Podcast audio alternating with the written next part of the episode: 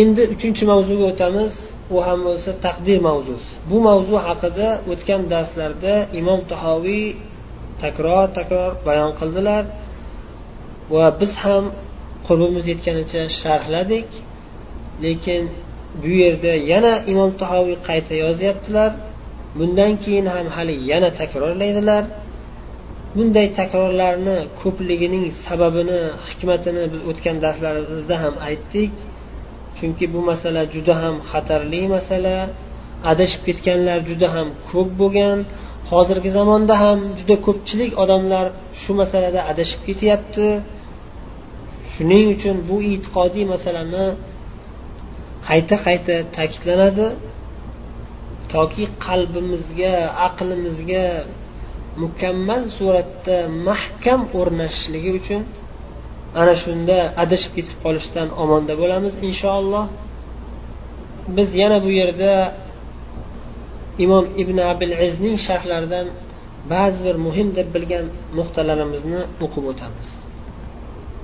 Imom ibn abil iz rahimaulloh sharhda taqdirga taalluqli ba'zi oyat karimalarni zikr qilib keyin ba'zi odamlarning xayolidan o'tadigan shubha va e'tirozlarga javob beradilar ana shulardan ba'zi bir joylarini o'qib o'tamiz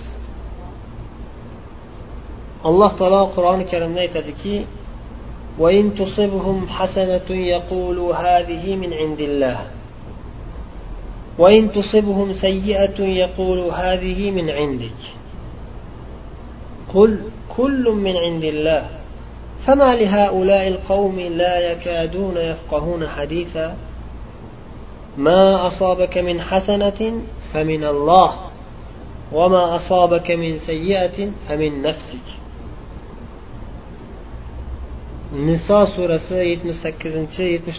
آيات alloh taolo bu oyatlari bu oyat kalimalarida xabar beryaptiki ularga ya'ni odamlarga biron bir yaxshilik nasib bo'lib qolsa aytishadiki ha bu marhamat bu yaxshilik ollohning huzuridan deb aytishadi. Lekin ularga qachonki bir yomonlik musibat kelib qolsa aytishadiki bunga siz sababchi bo'ldingiz. Mana shu siz sababli siz tufayli bo'ldi deyishadi. Siz ularga aytingki kullu min bu narsalarning hammasi ollohning huzuridan ollohning taqdiri bilan deb ayting. Nimaga bu odamlar hech bir gap tushunmaydigan anglamaydigan odamlar bo'lib qolishyaptiya degan ma'noda alloh taolo ogohlantiryapti. Ma asobaka min hasanatin faminalloh ey inson sizga qandaydir bir yaxshilik yetsa darhaqiqat bu ollohdan va qachonki sizga bir musibat yetsa bunga o'zingiz sabab deb alloh taolo insonga xitob qiladi. Shu oyati karimani zikr qilganlaridan keyin imom ibn abil iz rahimaulloh sharhda aytadilarki qanday qilib tushunamiz? Alloh taolo shu oyatni boshida aytdiki kullu min indillah hammasi allohning huzuridandir. Allohning taqdiri bilan dedi boshida. Keyin oxirida aytyaptiki yaxshilik yetsa biron bir yaxshilik bo'lsa ollohdan yomonlik bo'lsa seni o'zing tufayli bo'ladi deyapti. Senga biron bir musibat zarar yetsa sen o'zing sababchisan deyilyapti buni qanday tushunamiz? Deyilsa bunga javoban aytiladiki kullu min indillah degan oyat hammasi allohning huzuridandir degani ya'ni xoh odamlarga nusratu g'alaba bo'lsin xoh mag'lubiyatga uchrashsin. Bu narsalar allohning taqdiri bilan bo'ladi. Hamma narsa allohning taqdiri bilan bo'ladi. Ammo oyatning oxirida sen o'zing sababli sen o'zing shunga sababchisan deyilishligi ya'ni sen qilgan gunohlaringga yarasha jazo bu. Inson o'zi sababchi bo'ladi chunki taqdirda yozib qo'yilganki inson boshiga insonlarni boshiga biron bir musibat tushmaydi illo o'sha musibatga yarasha insonlarni o'zlaridan bir amallar jinoyatlar sodir bo'ladi. Gunohlar sodir bo'ladi. Alloh taolo yana boshqa oyatda aytganidek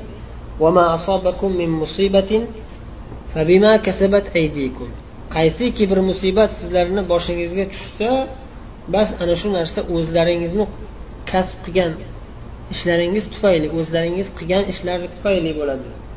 O'zlaringizni qo'llaringiz bilan bajargan ishlaringiz oqibatida o'sha ishlar sabab bo'lib boshingizga mana shunday musibatlar tushadi degan ma'noda alloh taolo boshqa oyatda xabar bergan.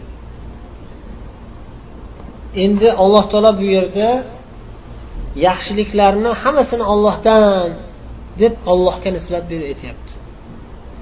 Yomonliklarni esa sizlar o'zinglar shunga sababchisizlar deb aytyapti. Nimaga? Yaxshiliklar ham sizlarni qilgan yaxshi ishinglarga yarasha mukofot sabab demayapti. Sizlarni qilgan yaxshi ishinglarga yarasha yaxshi amalinglarga yarasha bu mukofot demayapti. Yaxshiliklar haqida gapirganda ne'matlar marhamatlar nozil bo'lganda bu marhamatlarni olloh o'zi yubordi. Olloh o'zi taqdir qildi. Ollohning o'zi tarafidan deb aytyapti. Faqat ollohga nisbat berilyapti. Ammo musibatlar yomonliklar bo'lganda insonlarning sababchiligi aytilyapti. Allohning taqdiri bilan bo'lsa ham insonlar o'zi sababchi. Insonlar o'sha musibat nozil bo'lishiga yarasha gunohlar qilishgan deb aytilyapti. Nimaga? Bunda hikmat nima? Hikmatlardan biri shuki chunki yaxshiliklar marhamatlar ollohning marhamatlari hamma taraflama ollohning o'zidan. O'sha misol uchun nusratu g'alaba kelishiga sabab mo'minlar haqiqiy sodiq mo'minlar bo'lganliklari bo'lsa ana shu mo'minlarni haqiqiy sodiq mo'min bo'lishlarini ham olloh o'zi taqdir qilib olloh o'zi shunga yordam bergan. Hamma tomonlama allohning marhamati ochiq oydin ko'rinib turadi. Lekin yomonliklarchi yomonlik sodir bo'lsa bir musibat voqe bo'lsa deyaptilar. Ya'ni alloh taolo bu narsani taqdir qilishida bir hikmat bor ana shu hikmatni e'tiborga olinsa ollohning bir yaxshiligi bu. Bu ham ollohning bir yaxshiligi bo'ladi. O'sha hikmatlardan biri masalan insonlarni tavbaga chorlash. Tez tavba qilib qolinglar shu dunyoda. Mana shu musibatlar kelganda ko'zinglarni ochib qilgan gunohinglarni bilib tani olib tezroq tavba qilib qolinglar.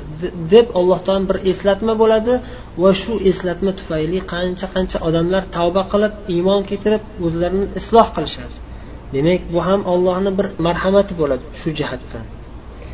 Alloh taolo hech qachon bir yomonlik ish qilmaydi. Alloh taoloning ishlari hammasi yaxshilik bo'ladi hikmatli bo'ladi.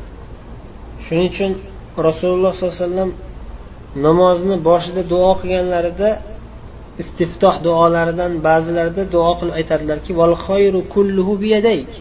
Yaxshiliklarning hammasi seni ikki qo'lingda. Yomonliklar esa senga emas ya'ni senga nisbat berilmaydi. Chunki sen ey alloh taolo faqat yomon hamma tomonlama yomonlik bo'lgan narsani hech qachon yaratmaysan. Yomonlik bo'lsa biron bir musibat bo'lsa ma'lum bir jihatdan yomonlik bo'lsa ham lekin o'zi asli hikmati bor o'sha narsani boshqa taraflardan biz bilmagan tomonlardan yaxshiliklari bo'ladi. Sen yaratadigan sen taqdir qiladigan narsalar hammasi hikmatli bo'ladi. Ana shu hikmatlarini e'tiborga olinsa o'sha narsalar yaxshilikka olib boradi yaxshilikka bog'liq bo'ladi. Lekin ba'zi bir jihatlardan ba'zi bir odamlarga qandaydir bir yomonligi bo'lishi mumkin u juz'iy yomonlik allohga nisbat berilmaydi. Olloh undan pok u o'sha yomonlikka yarasha jinoyat qilgan gunoh ish qilgan odamga nisbat beriladi. Vaholanki o'sha musibat ham allohning taqdiri bilan nozil bo'lgan bo'lsa ham allohning taqdiri bilan amalga oshgan bo'lsa ham ولهذا لا يضاف الشر إليه مفردا قط deyaptilar sharhda yana shuning uchun yomonlik alloh taologa alohida mana shu yomonlikni olloh yaratdi deb aytilmaydi bu harom alloh taolo alloh taologa odobsizlik qilish bu harom yomonliklarni zikr qilinganda yomonliklar faqatgina umumiy maxluqotlarni ichiga dohil sifatida zikr qilinadi. Yomonliklar umumiy maxluqotlar ichiga dohil bo'lgan sifatda zikr qilinishi mumkin. Allohu xoliqu kulli shay deganidek alloh taolo hamma narsalarni yaratuvchisi bo'lgan zot ya'ni shaytonni ham yaratgan jinlarni ham yaratgan kofir jinlar kofir odamlar hammasini olloh yaratgan. Shu umumiy sifatda hammasini olloh yaratgan deyiladi. Yuqorida zikr qilingan oyatda ham qul kullum min indillah. Ayting ularning hammasi ollohni huzuridan ya'ni yaxshilik ham yomonlik ham taqdir jihatdan qarasangiz hammasini olloh taqdir qilgan. Hammasi ollohning huzuridan ollohni taqdiridan allohning taqdiri bilan shu jihatdan umumiy maxluqotlar ostiga kirgan holida nisbat berilishi mumkin. Hamma narsalarni olloh yaratgan hamma narsalarni olloh o'zi taqdir qilgan deb. Alohida bir yomonlikni mana shu ollohni qilgan ishi deyilmaydi. Astag'firulloh chunki alloh taolo hech qachon yomonlik ish qilmaydi. Sizga yomonlik bo'lib ko'rinayotgan bo'lsa ham ana shu yomonlikning orqasida uning hikmatlari bo'ladi. O'sha hikmatlar hammasi yaxshiliklar bo'ladi. Mana shu birinchi nuqta. Ikkinchi nuqta yomonlikni zikr qilinadigan bo'lsa maxluq sifatida zikr qilinadi. Ana shu narsani yaratishlik yomonlik deb aytilmaydi. O'sha yaratilgan narsaning yomonligi deb aytiladi. Masalan falaq surasida alloh taolo falaq min sharri ma xaloq min sharri ma xaloq falaqning robbisi bo'lgan parvardigor olloh subhanahu va taoloning nomi bilan panoh so'rayman. Min sharri ma xaloq yaratgan narsasining yomonligidan. Alloh taolo yaratgan narsaning yomonligidan. Ya'ni yomonlik yaratilgan maxluqqa nisbat berilyapti. Alloh taologa emas. Va alloh taoloning fe'liga emas. O'sha yomonlikka sabab bo'lgan narsaga nisbat berilyapti. Olloh yaratgan narsaning yomonligidan. Ollohning yomonligidan emas aslo. Alloh taolo yomon ish qilmaydi hech qachon. Alloh taolo yaratgan narsani ma'lum bir jihatdan yomonliklari bo'ladi. O'sha yomonlikdan panoh so'rayman deyilyapti. Olloh taqdir qilgan narsaning yomonligini zikr qilinganda mana shu uslubda zikr qilinishi mumkin. Yoki yana bir uslubi alloh taoloning nomini aytmasdan alloh taoloni nomini aytmasdan zikr qilinadi. Ma'lum bir taqdirda voqe bo'lgan yomonlikni zikr qilmoqchi bo'lsangiz ollohning qilgan ishi deb emas kim qilganligini aytmasdan zikr qilasiz.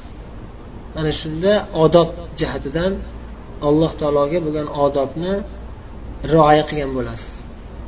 Xuddi jinlar mo'min jinlar musulmon jinlar aytganday jin surasida o'ninchi oyatda keladiki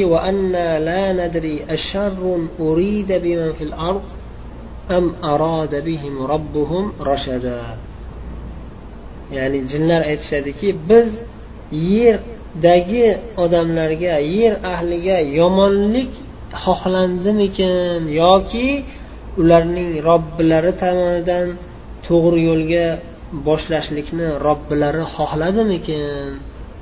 deb aytishadi jinlar. Ya'ni shu yerda aytishyaptiki bu yangi o'zgarishlar insonlarga nisbatan bir yomonlikni xohlanganligi tufayli bo'lyaptimi? Insonlarning boshiga qandaydir bir musibatlar og'ir kunlar kelishini taqdir qilinyaptimi? Yoki yaxshi kunlarni alloh taolo olib kelmoqchimi? degan ma'noda aytishyapti. Arabchasiga aytganda majhul fe'l. Bir fe'lni bajaruvchisini nomini hazf qilib aytilish. Sarf ilmidan xabari borlar bilishadi buni. Misol uchun alloh taolo shaytonni yaratgan demasdan shayton yaratilgan deb aytishlik. Mana shu narsa ham alloh taologa bo'lgan odob alloh taoloning haq huquqini rioya qilish keyin yana aytyaptilarki من الفوائد أن العبد لا يطمئن إلى نفسه ولا يسكن إليها فإن الشر كامن فيها qanday bir musibat yomonlik kelsa siz o'zingiz sababchisiz ey inson Sen o'zing sababchisan deyishligida alloh taolo shunday deb xitob qilishligida bir qancha foydalar bor. Shulardan yana biri banda hech qachon o'zining nafsiga xotirjam bo'lib o'z nafsini o'z holiga qo'yib qo'ymaydi. Qo'yib qo'ymasligi kerak. Ehtiyot bo'lib turish kerak. O'zining nafsini yomonligidan ehtiyot bo'lib turish kerak. Chunki insonni nafsi shahvatlarga yomonliklarga tortib ketib qoladigan odati bor. Mana shu oyati karimalarni to'g'ri tushunib shulardan to'g'ri foyda olib inson o'zining nafsi shunaqa xatarli ekanligini bilib undan ehtiyot bo'lib o'zini isloh qilish bilan ko'proq shug'ullanish kerak.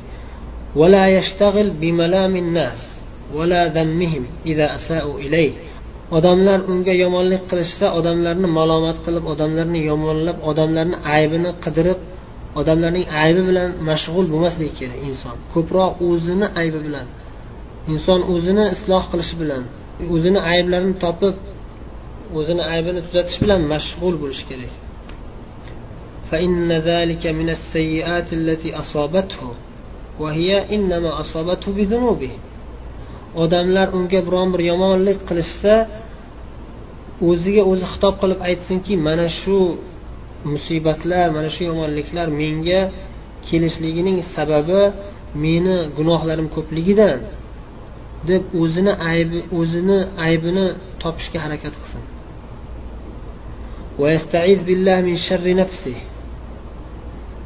O'zini yomonligidan ollohga iltijo qilib panoh so'rasin. Amali o'zini qilib yurgan ishlarini yomonligidan zararlaridan panoh so'rab allohga iltijo qilsin. Va alloh taologa iltijo qilib so'rasinki alloh taolo uni toat ibodatlariga yordam bersin. Mana shu bilan unga hamma yaxshiliklar hosil bo'ladi. Va mana shunda ya'ni alloh taologa iltijo qilishi alloh taologa yolvorishi o'zini isloh qilishi bilan undan yomonliklar daf bo'ladi barcha yomonliklar daf bo'ladi ولهذا كان أنفع الدعاء وأعظمه وأحكمه دعاء الفاتحة shuning uchun ham duolarning ichida eng manfaatli duo eng buyuk duo eng hikmatli duo fotiha surasidagi duodir ehdina sirotal mustaqim bizni to'g'ri yo'lga hidoyat qilgin ey olloh alayhim. Sen ularga inom qilgan zotlarning yo'llari to'g'ri yo'lga boshlagin. Payg'ambarlaring siddiqlar shuhadolar solih insonlar tutgan to'g'ri yo'lga boshlagin. G'ayril mag'dubi alayhim. Sen ularga g'azabing kelgan. Mag'dubi alayhim ularga g'azab qilingan kimsalarning yo'lidan o'zing uzoq qilgin. Valaddolin adashib zalolatga kirib ketgan insonlarning yo'lidan uzoq qilgin.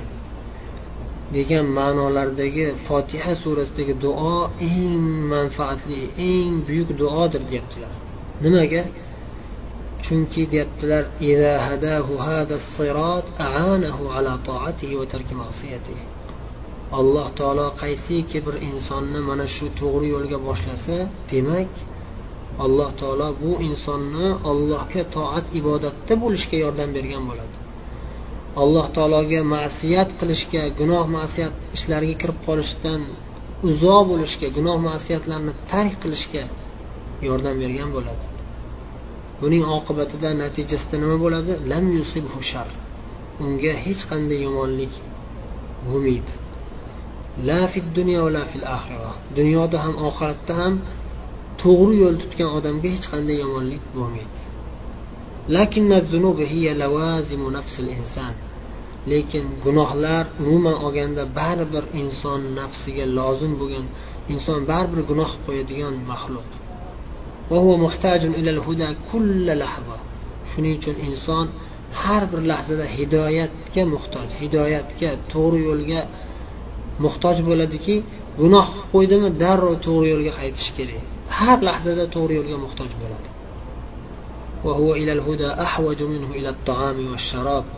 Inson yeyish ichishga muhtoj bo'lgandan ham ko'ra hidoyatga ko'proq muhtoj. Har lahzada inson xato qilib qo'yadi gunoh ishlarga tushib qoladi. Ana shulardan doim tavba qilib yana qaytadan to'g'ri yo'lga tushib o'zini isloh qilishiga muhtoj bo'ladi. Allohdan shuning uchun doim hidoyat talab qilib turish kerak bo'ladi. Agar juda ham buyuk avliyolar darajasiga ko'tarilgan bo'lsa ana unda ikkinchi darajali duoga muhtoj bo'ladiki u ham bo'lsa mana shu hidoyatda sobit qadam qilishni so'raydi. Ya'ni juda ham mukammal hidoyatli bo'lgan to'g'ri yo'lda bo'lgan o'zi hidoyatli bo'lgan inson nimaga yana hidoyatga boshlaganda fotiha surasidagi duoni har kun qayta takrorlash kerak bo'ladi?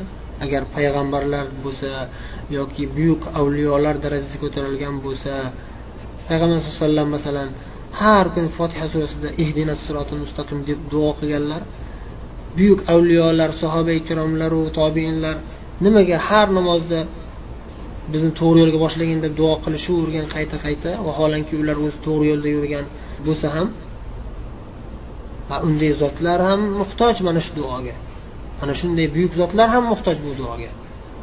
Hech bo'lmadi deganda juda ham gunohdan pok musaffo bo'lgan taqdirda ham hech bo'lmadi deganda bizni sobit qadam qilgin degan ma'noda duo qilishga muhtoj. Ehdina sirotol mustaqim bizni to'g'ri yo'lga hidoyat qilgin ya'ni shu to'g'ri yo'lda sobit qadam qilgin bizni. Yanada mustahkam qilgin bizni degan ma'noda duo qilishga muhtoj.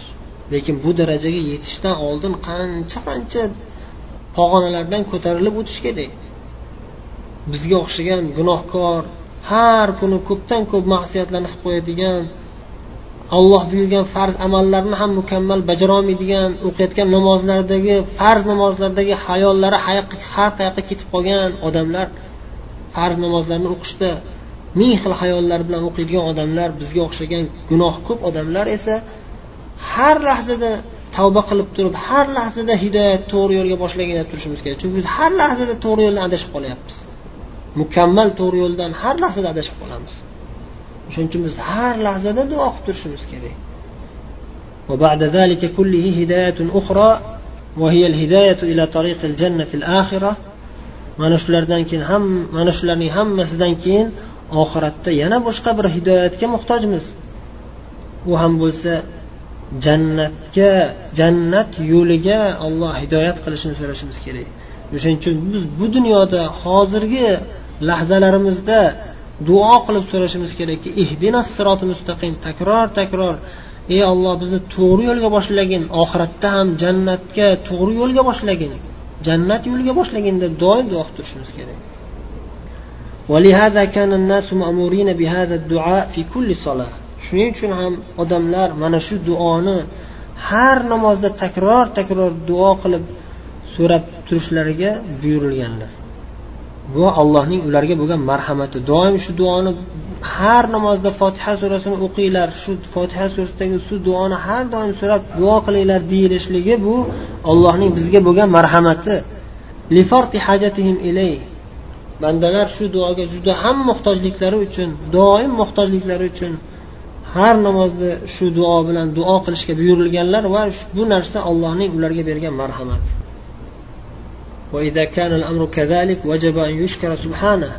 Modomiki shunday ekan alloh taologa doim shukur qilib turishimiz kerak.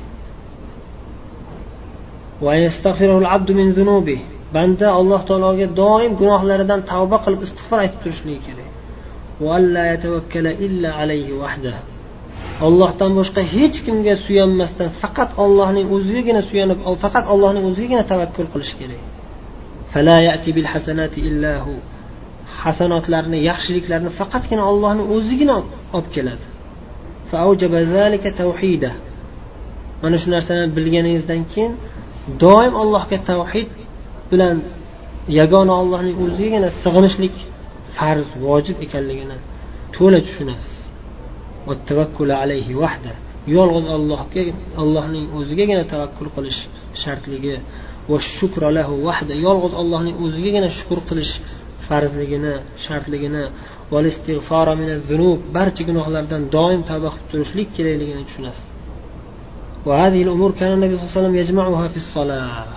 Mana shu narsalarni hammasini tavakkulu shukur duo istig'forlarni hammasini rasululloh sollallohu alayhi vasallam namozda jam qilardilar.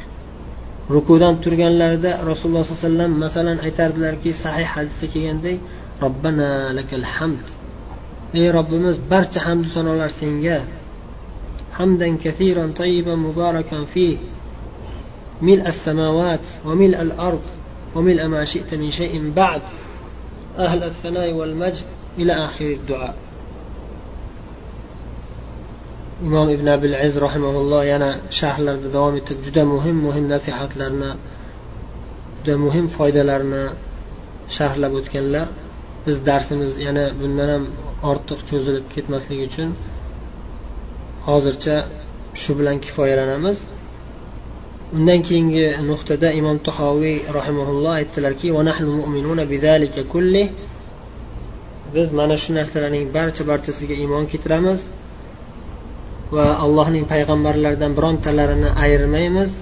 Ularning barchalariga olib kelgan shariatlarini tasdiq etgan holimizda iymon keltiramiz dedilar. Bu so'zlari bilan oldin zikr qilib o'tilgan narsalarga yana qaytadan ishora qildilar. Payg'ambarlardan birontalarini ayirmaymiz degani ya'ni ba'zilariga iymon keltirib boshqa ba'zilariga kofir bo'lmaymiz deganlar. Balki barcha barchalarini payg'ambarlar deb iymon keltiramiz. Barcha payg'ambarlar allohning payg'ambarlari deb iymon keltiramiz.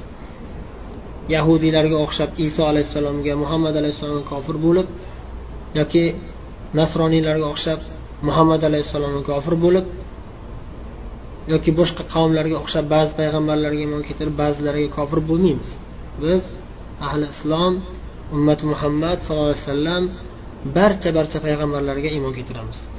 Alloh taolo ba'zilarga iymon keltirib ba'zilarga iymon keltirmaydiganlarni kofir ekanliklarini qur'onda o'zi xabar berib qo'ygan. Haqqo ana shular haqiqiy kofirlar deb xabar bergan. Niso surasini bir yuz ellinchi bir yuz ellik birinchi oyatlarida. Ba'zilarga iymon keltirmasdan boshqa ba'zilariga iymon keltiraman. degan kimsalar hamma payg'ambarlarga kofir bo'lib butunlay ollohga kofir bo'lganligini imom ibn abil iz ham sharhda bayon qilib aytadilarki فإذا لم يؤمن ببعض المرسلين كان كافرا بمن في زعمه أنه يؤمن به ba'zi payg'ambarlarga iymon keltirmasa men iymon keltiraman men falonchi payg'ambarga ishonaman deb davo qilgan payg'ambariga ham kofir bo'lgan bo'ladi deyaptilar. Nimaga desa chunki ana shu u o'zicha iymon keltirgan payg'ambarning olib kelgan risolatiga qarasak u payg'ambar nima deb olib kelgan?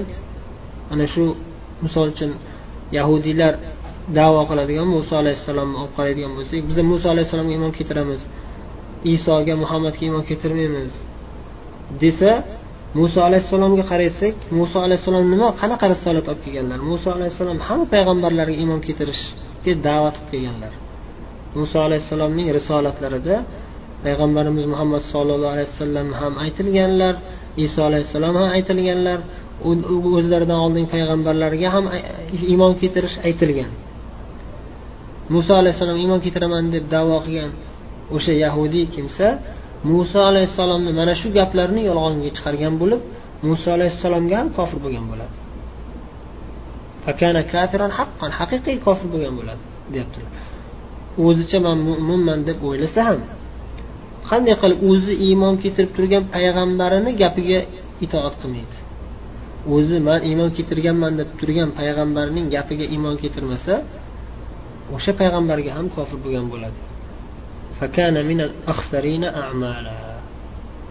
الذين ضل سعيهم في الحياة الدنيا وهم يحسبون أنهم يحسنون صنعا والله أعلم وصلى الله وسلم وبارك على نبينا محمد وعلى آله وصحبه أجمعين ومن تبعهم بإحسان إلى يوم الدين. والسلام عليكم ورحمة الله وبركاته.